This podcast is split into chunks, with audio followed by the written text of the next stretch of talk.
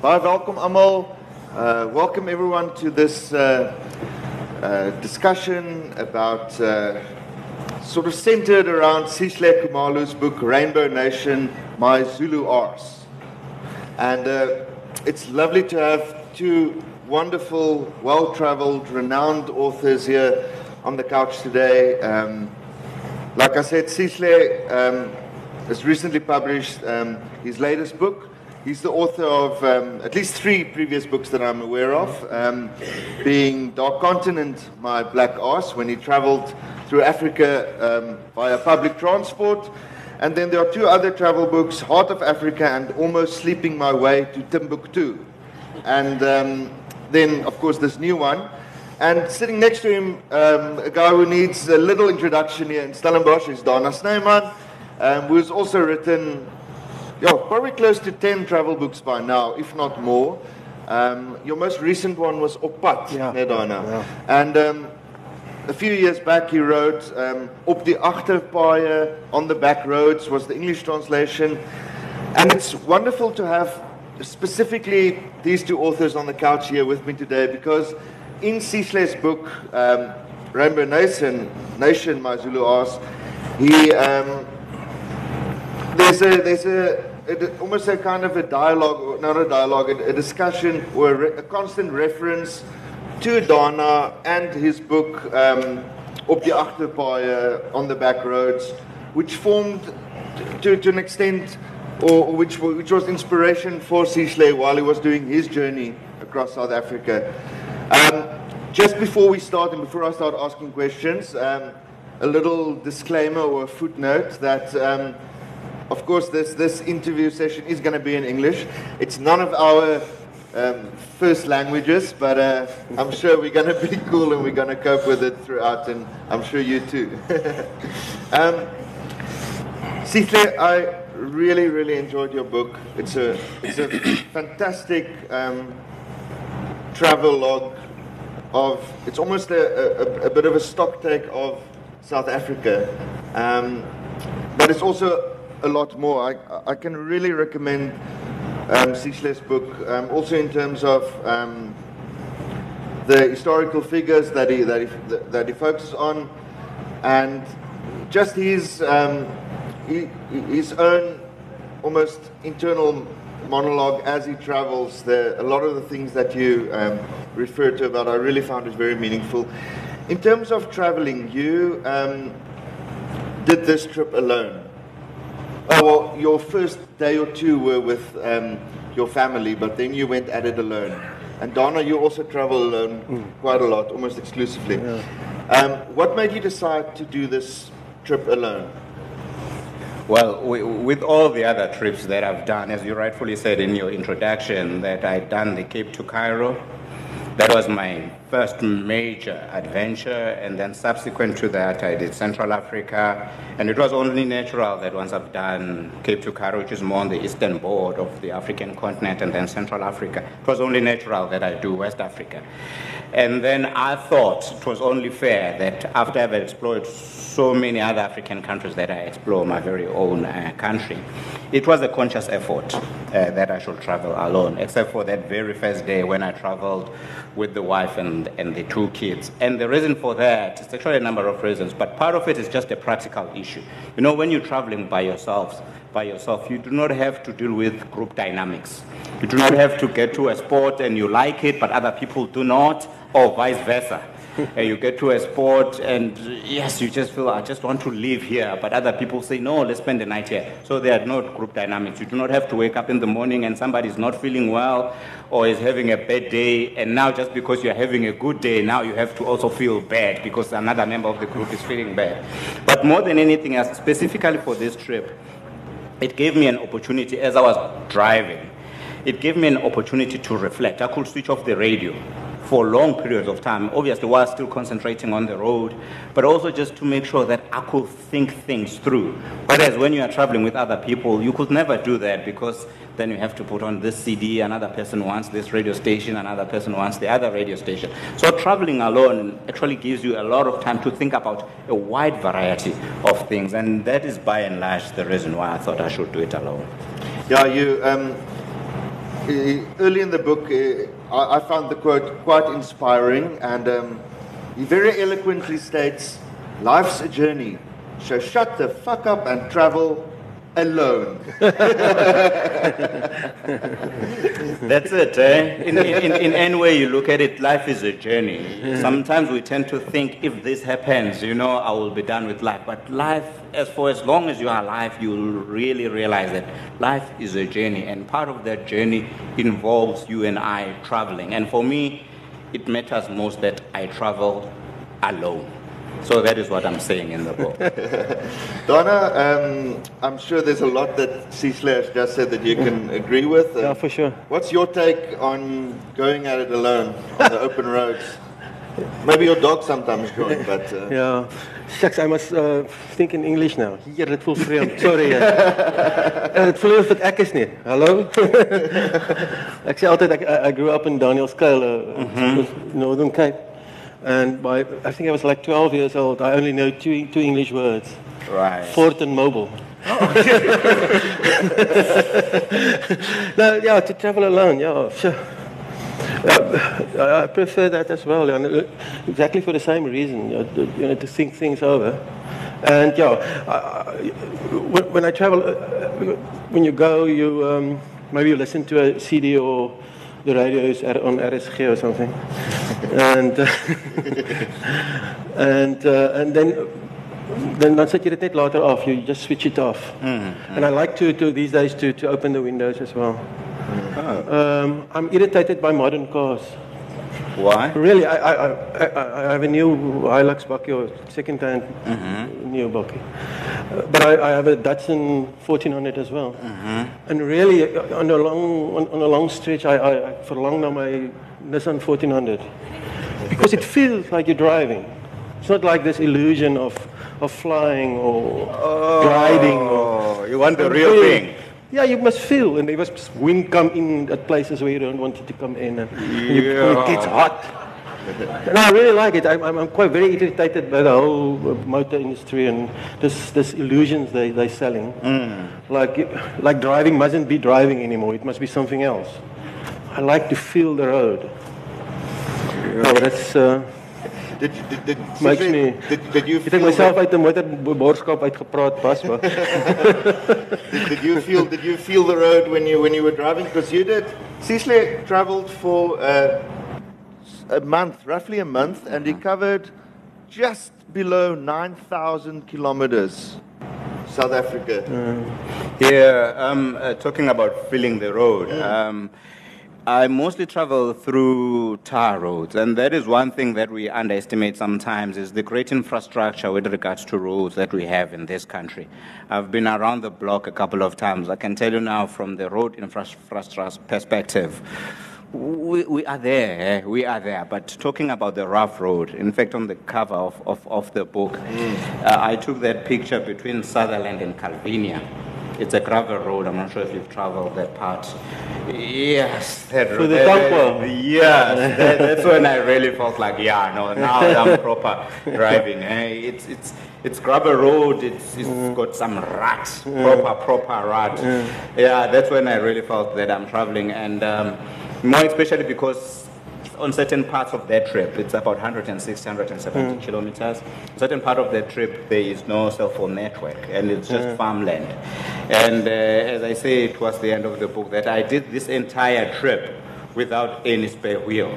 It's just one of those things. Eh? I, discovered. I discovered the night before because the car that I was going to use is, has those spare wheels that are outside underneath the vehicle. So the night before, as I was approaching the car from behind, I realized that no, man, the car looks different.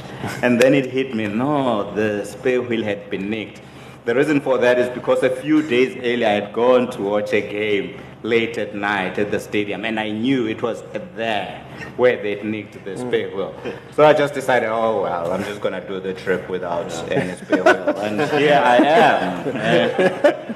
Fortunately, you mostly travelled on tar roads. um, so that, that, that that, helped. yeah, that helps. It reminds me of a story. Can I tell it, mm, please? course. Of the Tankwa Karoo. Mm-hmm. First time I went there and I, I stopped there at a, a farmer, you know, one Yeah, of the yeah, farmers yeah. there, and I talked mm-hmm. to him, and, I, and he said, you know, once a week, once or once every two weeks or whatever. Sure. Then he goes to Calvinia to mm-hmm. buy stuff. Yeah. But then for some of the workers, mm-hmm. he must buy stuff as well, and they bring little papiertjies Yeah, and bring me this and that.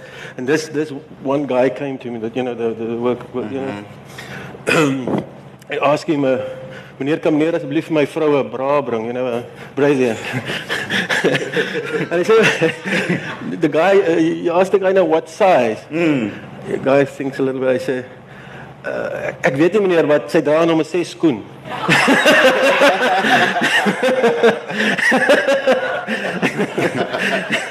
All right. Is that my comment? Maybe some link. There's, um, I, I- I really think, um, you know, these these two books, like On the Back Roads and and um, Rainbow My Zulu Arse, they they will really sit nicely next to each other on a, on a, on a, bookshelf at home because um, it really brings very illuminating perspectives and different perspectives also on road a road trip through the whole of South Africa. Um, and especially Dana is mostly on the gravel roads, and Sihle traveled a lot on the tar roads. You will get a nice full picture of, of many of the destinations. Um, I, I saw in On the Back Roads um, just now when you both talked about um, traveling on the open road and traveling alone.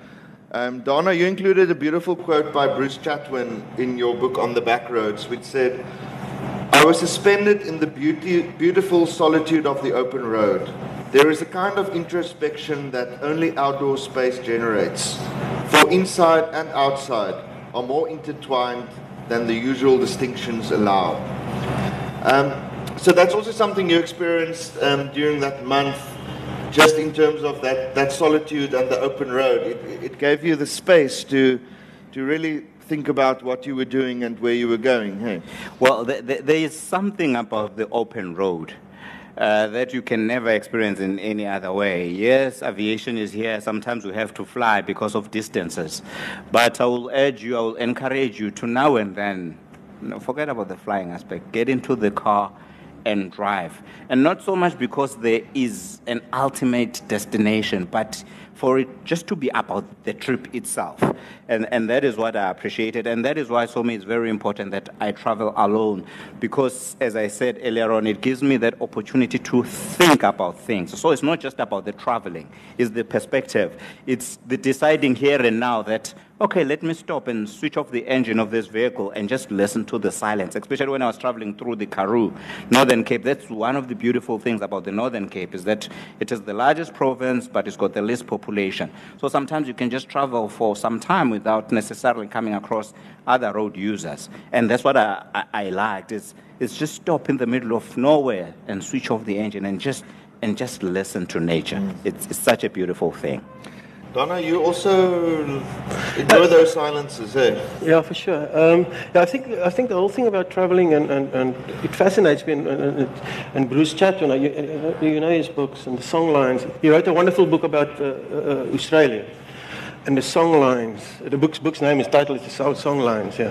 And uh, what, what it basically is about is that uh, the Aborigine, Aborigines, yeah, um, they, their founding myth or whatever, their uh, genesis, you know, their story, uh, uh, uh, uh, religious sort of why explaining things is that their ancestors, they walked, and while they were walking, they were singing the, the, the, the earth into existence.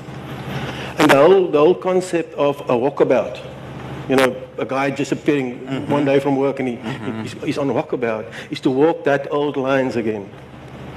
And I grew up with the San people, the Bushmans, up in, Yeah, yeah, yeah. not with them, but, you know, they were around. And, um, and they was exactly, the guy is working on the farm as a worker, very, and one morning he's just gone.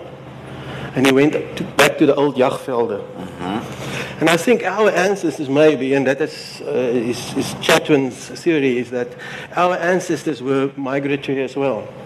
You're up in the plains in Africa, that, that guy. And, and, and that, that, that stuff is still inside us.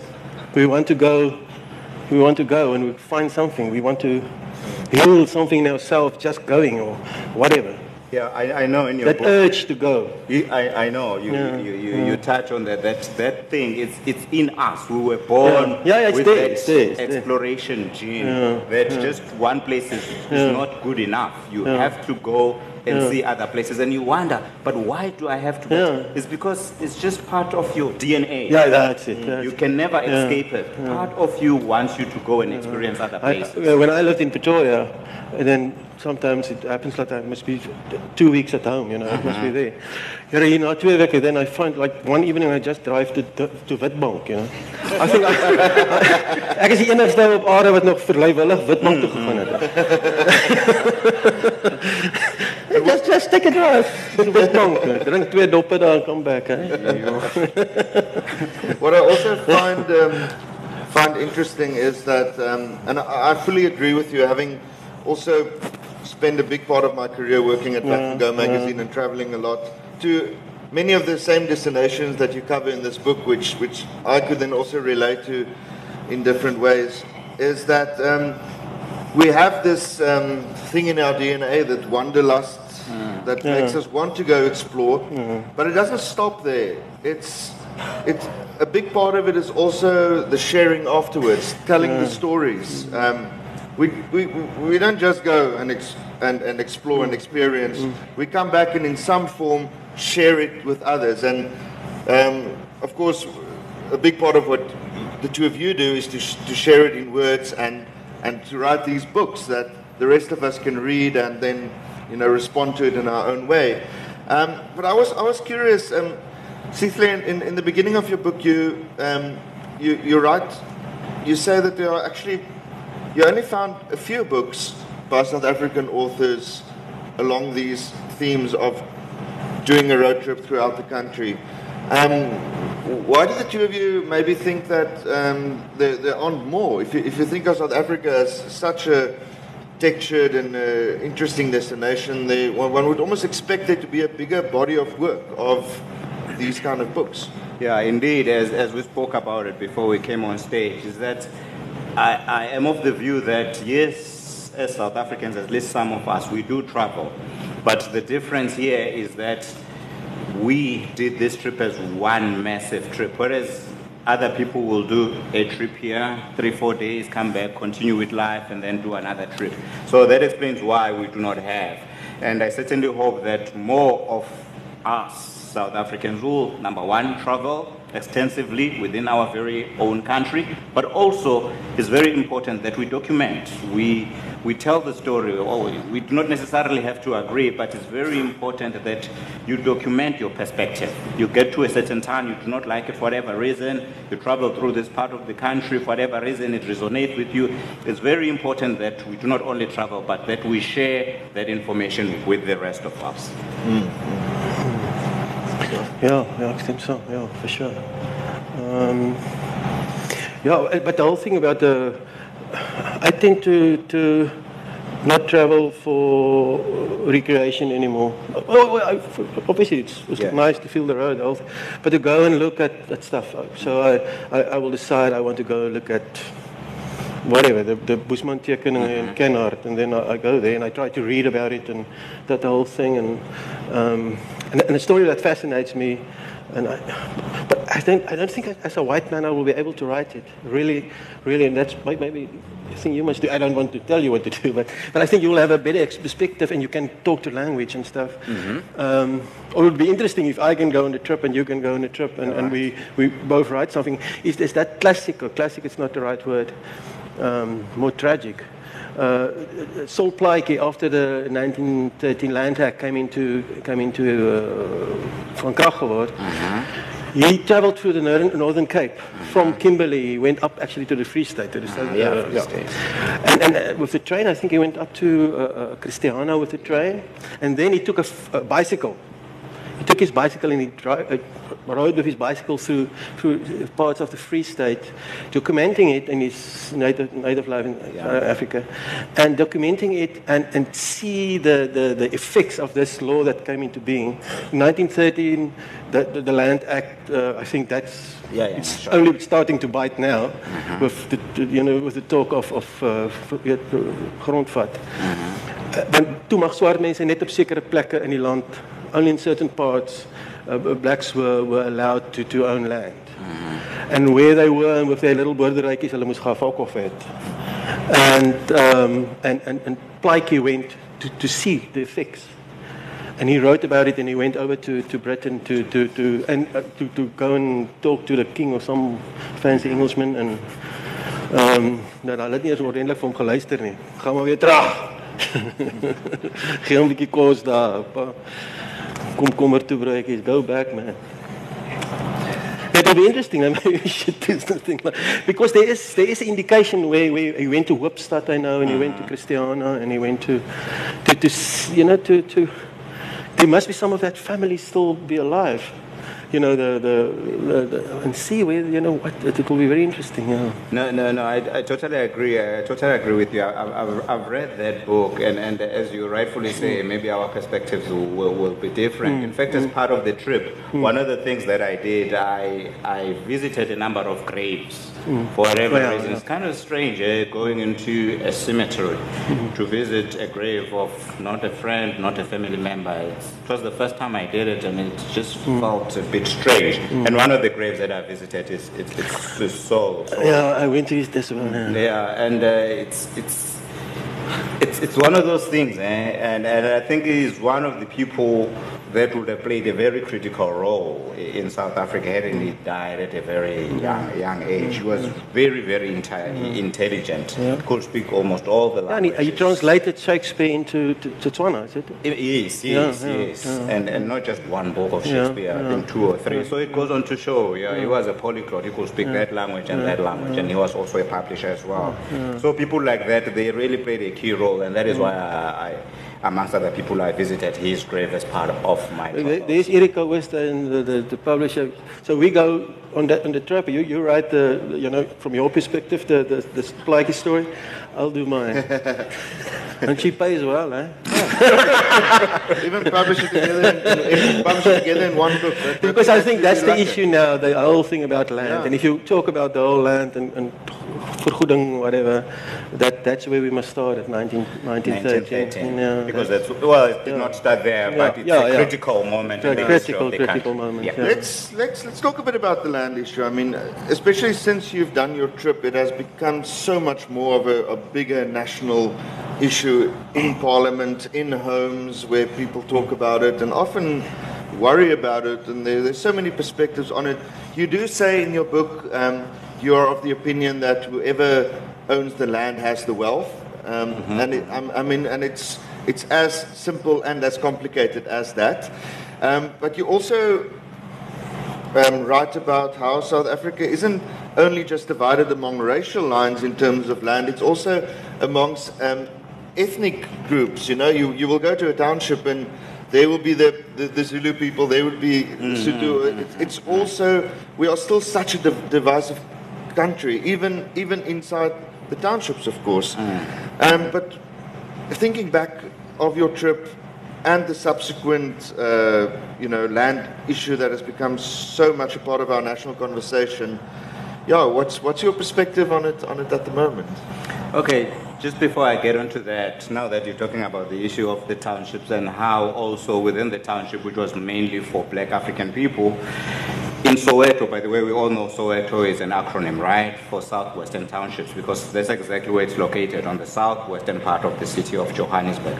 But in Soweto, even there, different ethnic groups were allocated different parts of the township. That is why, as an example, Cyril Ramaphosa was born in Chiawelo. He could have not been born in another part of Soweto because of his ethnic group. He could have only been born there because his parents would have only lived in Chiawelo, not in Orlando, as, as an example. So that is just one perspective which sometimes as South Africans we are not aware of. We just think, oh, well, township is just like all black African people live. No, even there uh, there was still discrimination with regards to the different ethnic group that you live in. Now, on the issue of land, in fact, in the book, I talk about some of the key issues that, as a country, we, we need to deal with. And one of those is the issue of land. It's a very emotional issue.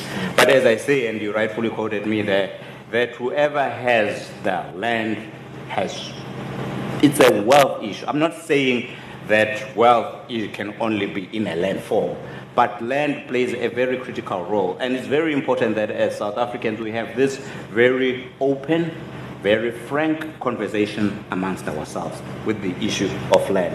What I find is that the minute somebody mentions the issue of land, then everybody gets emotional without necessarily dealing with issues on a much more open platform and also making sure that at the end of the day, uh, there is an issue of give and take. There is an issue of, at the end of the day, you might not necessarily agree, but a solution has to be found.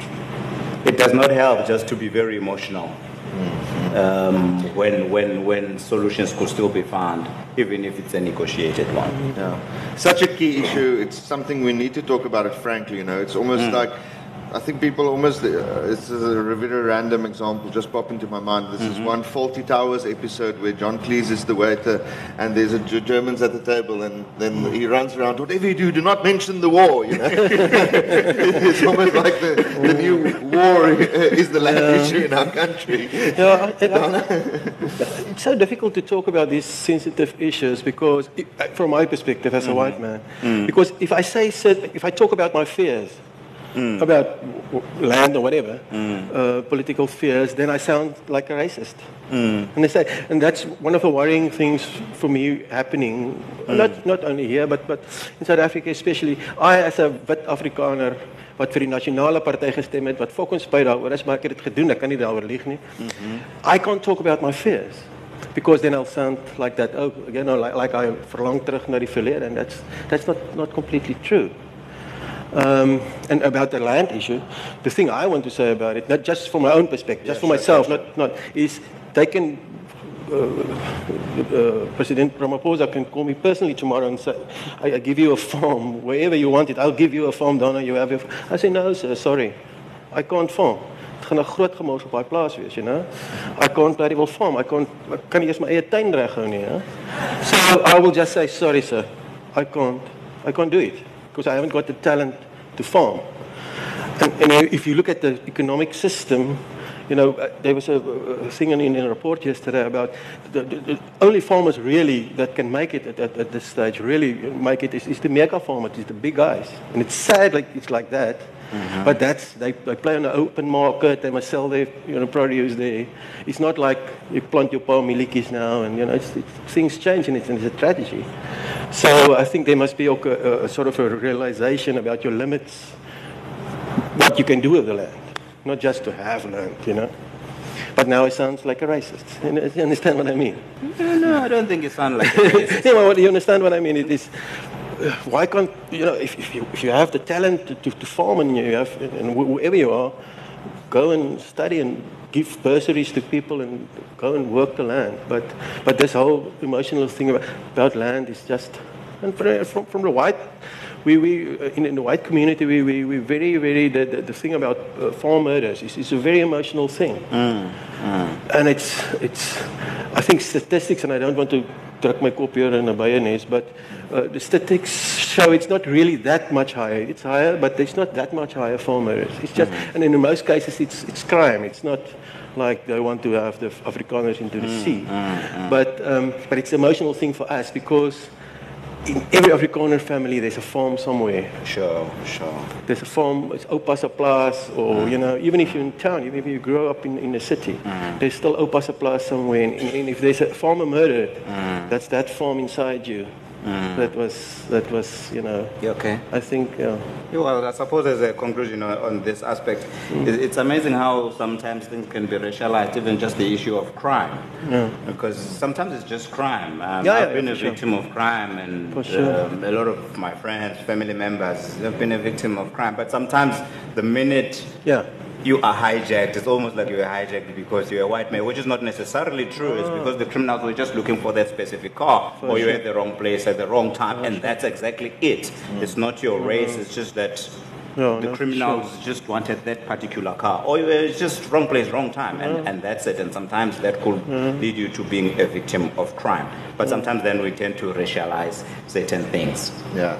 Yeah, no, for sure. Um, so, uh, because I, I, I started out as a crime reporter at, at Beeld, 89 or somewhere. And, and we didn't re- report any black uh, crime statistics. At there all. was no, nothing there. All, all the crime statistics were white, white. En dan is net wat is word vermoor, you know. That's where we hulle wil ons gaan, hulle wil ons vermoor, you know. You know, and we don't know about, you know, The crime situation in, in, in townships. Okay. I want to talk a bit about, you know, monuments and graves and just this a sense of South Africa's and our shared history. Um, in, your book, um, I found it very um, meaningful and illuminating because you, you write about many historical figures that um, I've, I've, I've learned about most of them in later years or sort of by self-study or by traveling on my trips for back and go. But many of these historical figures hardly ever, they, they, they didn't even have a cameo in my history books. They were just not there. You know, uh, somebody like Jeff Masemola um, of, the, of the PAC, I never heard his name before I was even up to the age of 20. He was just never featured in the history books. Um, but in terms of that sense of history, I found it interesting when you went, when you started your trip um, at Sharpeville on your way to the monument there, you were struck by the fact that there were 20 year olds in the township that had no, no idea about Sharpeville even. Um, and you, you, you say in your book, you say it, it might be one of the unintended consequences of the Rainbow Nation project. Um, what, what are your thoughts on, on the fact that there are so many young people without that sense of history today? Even? Yeah, it's uh, as, as I as I say in the book, it's probably one of those unintended consequences. I, when I was driving through Sharpeville, I was actually looking for the place, and I stopped and I looked around. I asked these youngsters, they just and they live there. It, it's just like, but really, the, the stare that they gave me when I asked them, but where's the Sharpeville? It's like, geez, you could just see, you know, when somebody asks you a question of something that you have no clue about. So it's just one of those things, and it's very important, I think, as parents, that we expose our children, our grandchildren to, to history so that they have a sense of, of, of, of belonging. And it's very important also as well that we expose them to from A to Z. One, one of the graves that I visited, in fact, I think it's the first grave that I visited, it was on the first day when I was still with the family, was the grave of Paul Kruger. See, it's because he played a critical role in the history of this country. So we, I cannot just sideline him and say, no, but because I'm a black African, I'm not going to go and see Paul Kruger's grave. So we have to engage with that history. And talking about people who've been wiped off completely from the history, besides just Jeff Masemola, one person that I went to her grave is actually a she, is King Shaka's mother. You probably have never heard of her, Queen Nandi. The grave is decimated. It's in the middle of nowhere. Nobody cares about it. And it's kind of strange, and I mention it in the book that, but in Durban, there is a nice highway, Queen Nandi Drive. When you listen to the radio sometimes, they'll be like, yeah, there's been a crash, and now there's traffic on Queen Nandi Drive. But then you go and see the grave. It's in the middle of nowhere, desolated. It's just like, but how is this possible? is because the grave in the middle of nowhere does not create public relations. You know, politicians are for public relations to be seen, but now a highway, so where which is going to be mentioned now and then on radio, that gives you the mileage. So it's very important that we as citizens openly talk uh, uh, about such things, more especially other people as well who are just not not mentioned in, in history as well.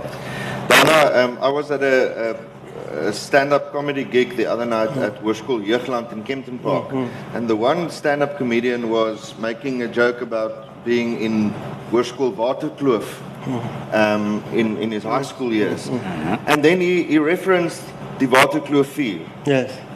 And as he said it, there was a, I think it was like a standard nine girl standing backstage behind the curtains. When, when she heard that word, she turned to a friend and said, What's that? Not even vis that. So it's, it's, it's interesting, the, you know, these, yeah, the historical perspective, even recent things that sometimes are, you know, gets, gets Yeah, lost. yeah. Maybe it's not that bad that she doesn't. Uh, yeah, it- It's the whole thing about, and I think you, you sort of, it, it must be in your, your, your, jy dink ook daaroor, it's like, especially me getting older now, it's like, I, I, I, I, I verander in my pa, I, I want to be a preacher. And it's not good for a writer to be a preacher. Um, because it's bloody boring, you know, it's, and, and, but that, that urge that you have to tell certain stories, the urge you have to go to Paul, Paul Kruger's grave. It's not, Mm. um, you know, everybody's urge, black man's urge to go there. Mm, And, and, and, and, and it's so good that you, I mustn't say it from the top, but you know, it's so nice. And the same for me. I must. I, I, I discovered like Steve Biko played rugby. Steve Biko was a big, huge rugby fan while he was. Uh, uh, yeah, and he, and he was. Uh, he had uh, like this sort of friendly ban- bantering between him and his interrogators about rugby, about you know he's more a Gavin Cowley man than a than a Gerald Bosch man during the '76 uh, All Black tour, and that stuff and that I think it's so important for me myself to to tell people uh, more about this, this, this shared history we have. I, I spoke this morning to somebody, and there's no big uh, uh, thing in Afrikaner history that happened, like happenings, where there wasn't black people involved as well on our side. On our, so we, we, we this, this groups or whatever you want to call it to, to, to generalize, but we're so interlinked in a sense, and to, okay, in an unfair sense, you know, the, you're the, you know, at the bottom, but things change. But, but that, the thing is, we, we're so intertwined. And I think that stories must be told. You know, the, the, the most credible uh, uh, uh, uh, witness report of the Slag van Bloedrivier. Uh, Wat is a huge thing in Afrikaner history, Slag van Bloedrivier. Here, ons, here was on ons kant, all that stuff. But the most credible report was written by a brown guy, a colored guy, Bankies, Baikies. He was a colored guy. He built lots of our history on, on, the, on, the, on, the, on, the, on the witness report of, of, of Baikies. And, but we didn't realize it. Net nog almal is aan ons kant, you know. And on the on the groot trek, you know, part of the uh, uh, uh, Trigar trek, you know, there was a, a brown family. Oh, oh, actually, it was a, the guy was a Huguenot sort of type of guy, but he had a, he had a colored wife with colored children. They were tracking some. I think that's, and we, we didn't, nobody teach us that in school for us, you know. And, and, and that to me is like important stories to tell. But then you, you sound like a preacher. You, know what I mean?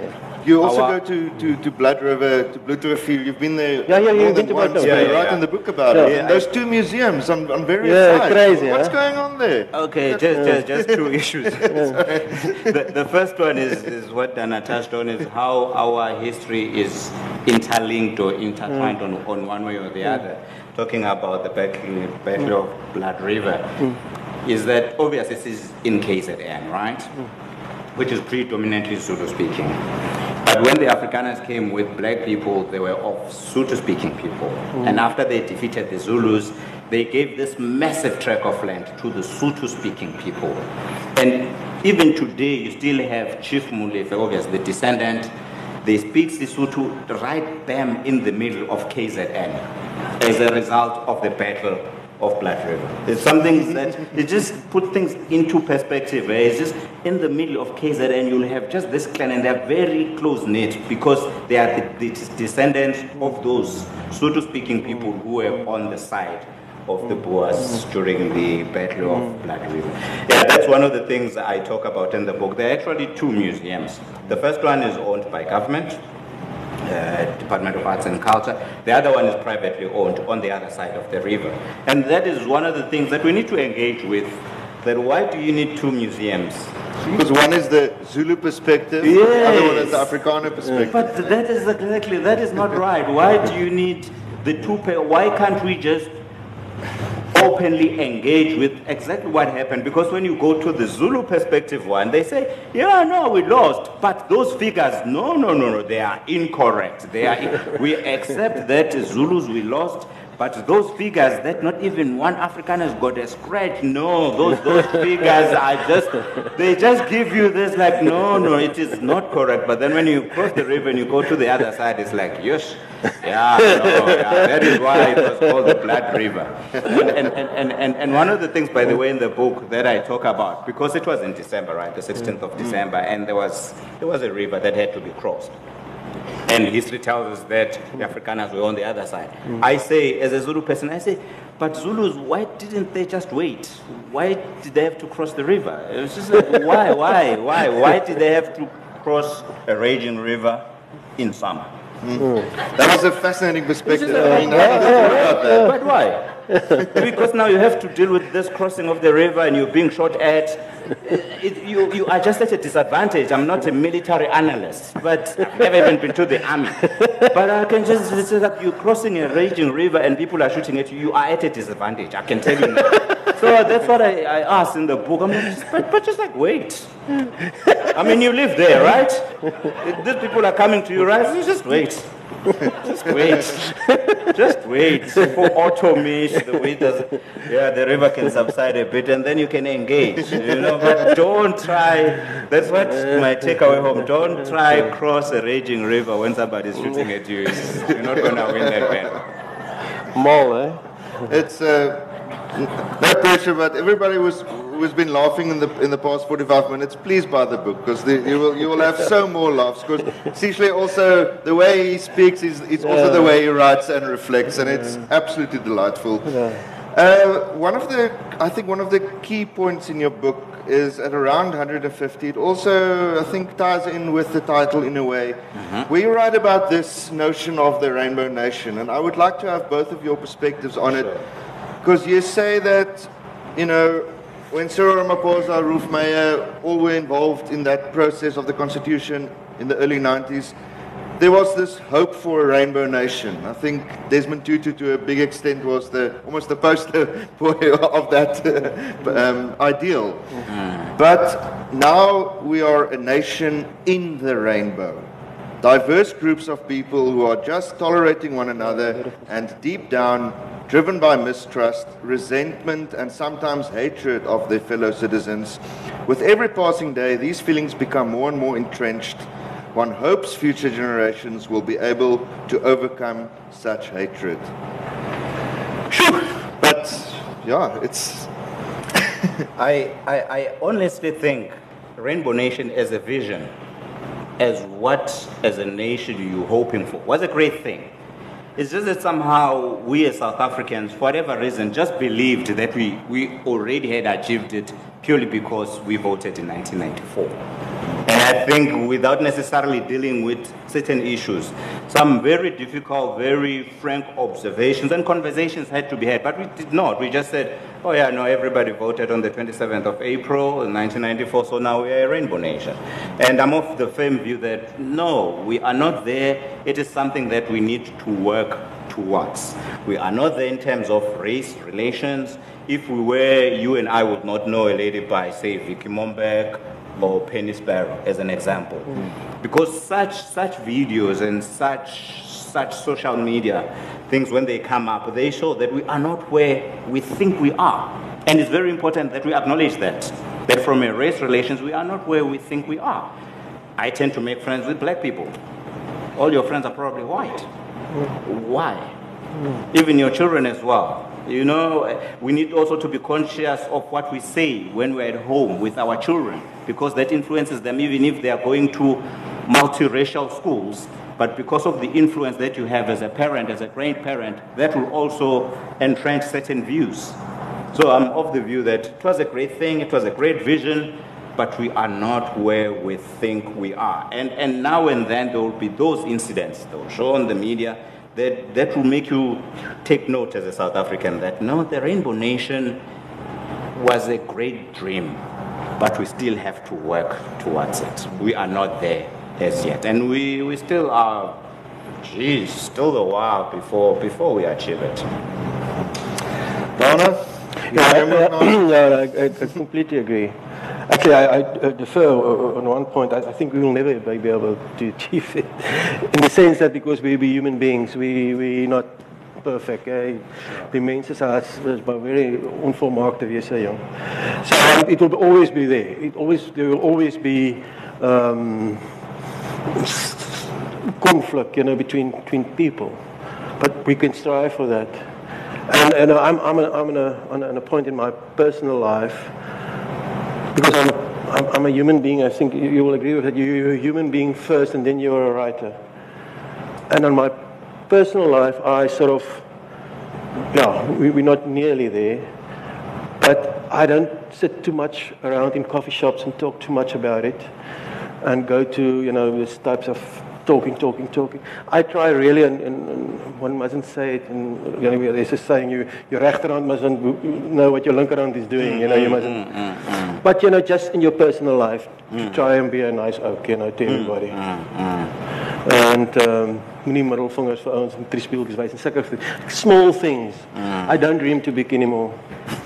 Because you know the, the big dream is that talk, talk, talk, talk, coffee mm. shops, mm. whatever, mm. seminar, wow, wow, talk, talk, talk. I, I really believe in just trying to where I go out here, whatever, to, to, to try and to live that thing. And I think it's plek ek alweer. But I think if, if people try have that perspective because we have this big perspective, yeah, we mm, want to, you mm. know, what's going to land rate, you know, and mm, hierdie nuwe ding, you know, and and then at the end it's just talk, talk, talk. Rather say, no man. Yeah. Ek gaan nou maar net vandag hier aan. Sure. And I try and do a, you know, meaningful stuff. But uh, and, and in the Afrikaner, what, what worries me is about this whole LAR track again. You know, this um, the EFF coming for us. You know, and that type of thing. And now, and now we have a sort of a, a terugverlang naar nostalgic sort of longing for, you know. Where we thought it was better. We thought it was better. The, the townships after the yeah, the townships were behind the hill, and you know everything. There was no crime here in, in, in the mm-hmm. woongebied, you know, and mm-hmm. and I think we can have it again. It's impossible. Yep. And it's unrealistic if people preach that, that message of, you know, it's, we must work together. Yeah, sure. And, and talking about that, what we're talking about here, it has to be a conscious effort. And I think Yeah. sometimes as South Africans, we just want to go through this autopilot. It has to be a conscious effort. And sometimes we might not be aware of it, but we are forever profiling people. Let me make this Yeah, practical sure. example. You know, if I stand in a queue at a local supermarket, Mm. And you stand behind a lady, hmm. and I stand behind exactly the same lady, I will just see the way she will just slightly, I'm talking about white lady, slightly just pull her hand back and just hold it closer. Just, you know, it's just, it's just that profiling. You know, sometimes she's not even consciously aware of it that she's doing that. But now, just because there's just the black man following her at the local supermarket compared to if it was For sure, white- for sure. see, I- It's just, it's just those, just those small things. Yeah. And it's very important that we talk about it so that you be aware when you do it. That you wouldn't have done that if it was Dana who was standing behind you in a queue. But now because it's me and you don't know me, Yeah. this thing is happening. And just another practical example, I went to uh, Natal Technical now called Durban University of Technology. The residence that I was staying in was not in campus. So now and then we'll have to walk at night from, from main from main campus mm. to, to mm. the residence. Mm. And I will always sit. I'll be walking, I'm stressed about the exam the following day. But as I'm just walking, you'll just see, because I'm a black man approaching, there's a red robot, and this driver sees a black man approaching. It's 8, 9 o'clock at night. And it's unlike now where you have central locking in cars. You'll just see the driver saying something to the other people in the car, and you'll all see them locking the doors.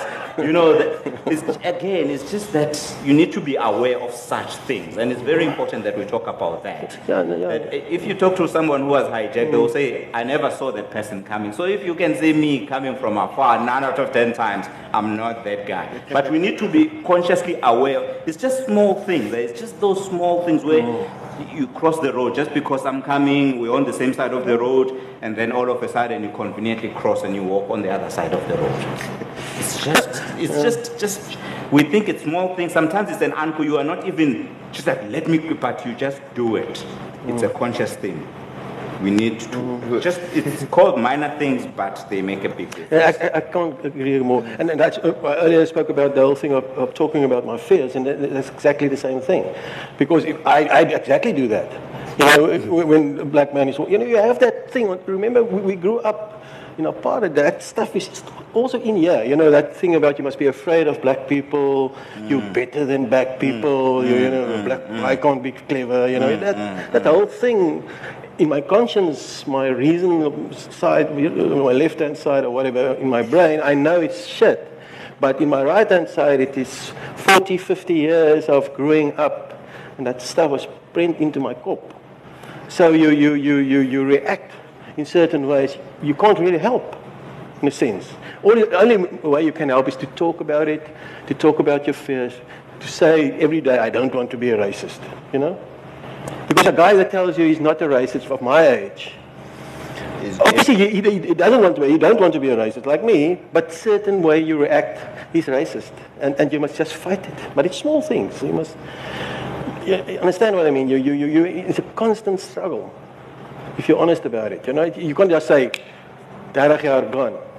Grew up in uh, like national apartheid, the whole thing. You, you can't just say, oh, dit, dit, dit, dit nie gebeur nie. You know? it, it happened and it, it fucked us up inside, you know. Yeah. Yeah, and, and, and now we want to unfuck ourselves, you know. I, I, I, I- I know, I know, but that is why, as I said earlier on, it's very important that when we engage, especially with the young ones, some of us, as you say, mm-hmm. 50 years down the line, Yeah, certain the things you cannot undo. They were mm-hmm. told to you, you saw them happening over a long period of time. But for our, for the young ones, it's mm, very mm. important. The conversations that you think they are private conversations because you're at mm. home, but they are listening. When you're in the car, and a black person crosses the road and it's red and you have to hoot and you be like, what do you expect? You see that, it, it just, you know, to a six, seven year old, it creates an impression. So you, we have to be conscious of these things, especially for the young ones. Hmm. Because yes, some of us are old, but the young ones still hmm. have to run this country and, hmm. and do a lot of beautiful things for this wonderful country. But it's how we bring them up, especially in those confines where we think it's private, homes, cars, and when they are playing. It's very important that we be aware of such things. So much food for thought. Um, I think we are pretty much at the end of our session, but I, I do would like to give opportunity if there are questions from the audience. There is a roaming mic there in the middle with Michael. Um, if you have questions, just raise your hand. Um, we have a minute or two for, for questions from the audience. If there are no questions, I will ask another question, but there's a hand. Um, I feel that confronted is often confrontational. Um, but telling a story um, is, I think, confronts one at a much deeper level. When you can go think about it like when you travel, when you can go think about it on your own. So I want to thank the both of you for for taking the courage of telling your story from your perspective, because we all only have our own perspectives. Um, and I think the other thing is that, that it's not really a question, but if, if I listen to you, what we basically, we basically need to be kind in our thoughts and in the way that we talk about each other in front of people and in our own, and the way that we think about people as well. Um, because that's the only way we're really going to get to know each other well. So thank you very much. Thank you. Any more questions at this point? There's one thing I want to touch on, which maybe we did not. Um, in the book, I talk about a number of issues that we as South Africans need to deal with. We've spoken about the issue of land, we've spoken about the issue of race and racism. One issue which we haven't touched on is the issue of education and the education system. I really think as South Africans, we, we deserve better from that perspective. Uh, I'm sure all of us have been aware that the education system that we have is not the best thereof. However, why we're not speaking much about it is because our kids and our grandkids go to good schools. So the rest of them is their problem. But that's the problem. Is because when we do not want to engage with issues on a national scale, because that is a national issue. When I was doing this trip, I remember specifically it was I was in KZN, I was in Richards Bay. My sister lives in Richards Bay.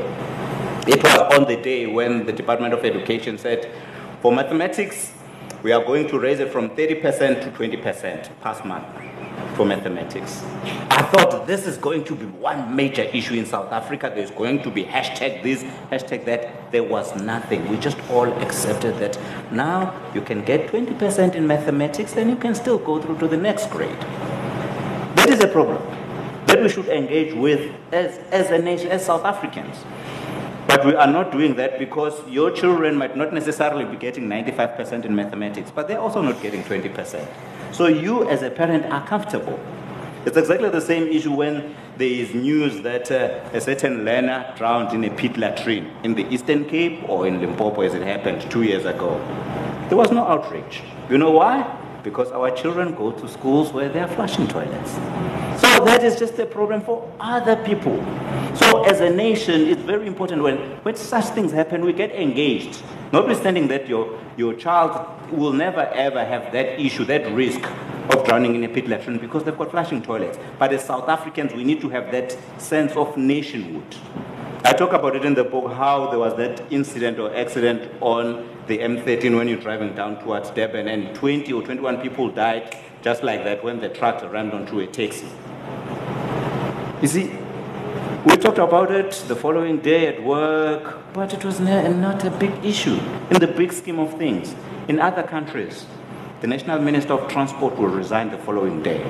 There will be so much outrage. How can more than 20 people die in an instant like that? In this country, more than a thousand people die December. We know it's going to happen, and it happens. But we just take it. So it's very important that certain issues we need to engage, even if it does not affect you directly as an individual. But because you are a South African, it, it, it has to affect you. When the government says we are dropping the, the, the, this pass mark to 20%, it, it, it has to affect you because in the long term it's going to affect your kids. It, it has to. The future criminals, we are molding them today, is the fact of life. The very people who will one day be criminals, they are being molded today through the education system. It's very important that we engage with this on a much more conscious basis, even if it does not affect you as an individual right now. Well, well. um, was de vraag daar, Frans?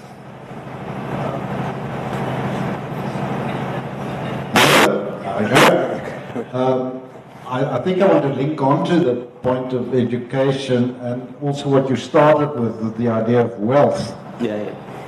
Uh, to me, the elephant in the room is the fact that we are still, to a large extent, divided along those lines of education and wealth. It's really, really important. And, and I tell you why. I put the cart before the horse compared to most people, and, I, and that is because I think white people have developed expectations of black people being poor and uneducated. And that leads to prejudice.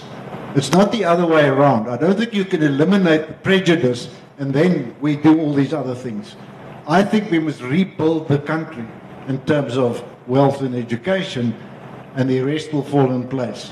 I, that's just a personal view, but I, I, I do believe those are the practical things. Donna spoke about practical things. That's one of them, is wealth creation. In other words, how do you get a nation of majority unemployed and poverty-stricken people to, to normality? Because I believe that will make a huge stride towards restoring trust amongst the different groupings. That's just a view. I don't know what you think. Okay. No, ek stem saam. You know, it's uh, especially when you travel. Uh, I, I, took a train trip through the country, a couple of train trips recently, and um, I, I, I, don't think we, we realize how uh, hoe arm is die mense, How poor the people are. Inequality. It's, it's scary how, how poor the people are. Most people and and um, yeah. as I said, all I can do is you know, do my thing, you know. And, but, but, but as, a, as a country, yeah, for sure. And uh, things are so skiff, eh? Like with people having billions and other people have nothing. And I don't know what to say. It's just bloody sad. Maybe your last thoughts on that? Yeah, let, let, let, me finalize on, on this side. Um, you, you know, now and then you will read in a newspaper that a 12 year old raped a 10 year old. You know, you get those stories sometimes and you think, but how is this possible? And other people say, no, it's the TV, no, it's the cell phones. Trust me, yes, that might contribute, but I'll tell you one of the key things that we do not want to talk about. You know what? It's people in informal settlements, there's no privacy.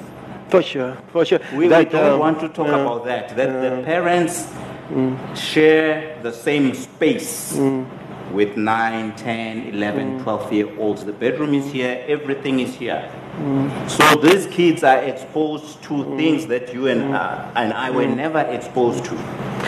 That is the elephant in the room that nobody wants to do. How this issue of poverty, then we want to deal with a 12 year old is bad, he must go to prison. Yes, for sure, I agree with that. But there is an underlying issue. Where did this 12 year old learn all this stuff? It's because he's exposed to things that you were never exposed to as a 10 year old. It's all because of poverty, it's all because of living in an informal settlement where there is no privacy for, for parents. Mm. Mm. And the whole thing about like practical things, mm. We always say, hulle praat so hard. Waar, waarom praat die swarte so hard? You know, uh, hulle praat so hard, you know? And it's because of, I think, the, the way that people live is as well, you know, close together and that, whole thing. Why do they stand so close to you? Why, you know, you know, moet nie so, hy moet nie so naby you know? That, that type of thinking, and I think it's, it's also out of, out of the townships and, and, and the way people grew up and they live. Yeah, but, but obvious, also links to that, and also very important is the, the, the importance of just accepting that other people, they tend to talk a bit louder Yeah, than others. That it's, why must it be this standard, that this is the correct standard? Your tone of voice, you know, when I'm talking to you, I must have talked like that. The minute I'm like, ha ha ha, it's like, "Oh, but why does he have to laugh so loud? No, it's just, it's okay. Just learning to accept that it is okay, that somebody can laugh out loud. And there's nothing that shows that he is uncivilized because he's laughing out so loud. On that note, with a few laughs in the audience, uh, you also laugh and think when you read the book. Um, thanks so much, Dana and Sihle, for your time. It was a wonderful discussion. It really made me think. And uh, enjoy the rest of your festival. Sihle will be here to sign a few books, I'm sure. Um, he will be there, I think. So, at the bookshop, at the bookshop next door. Um, and thank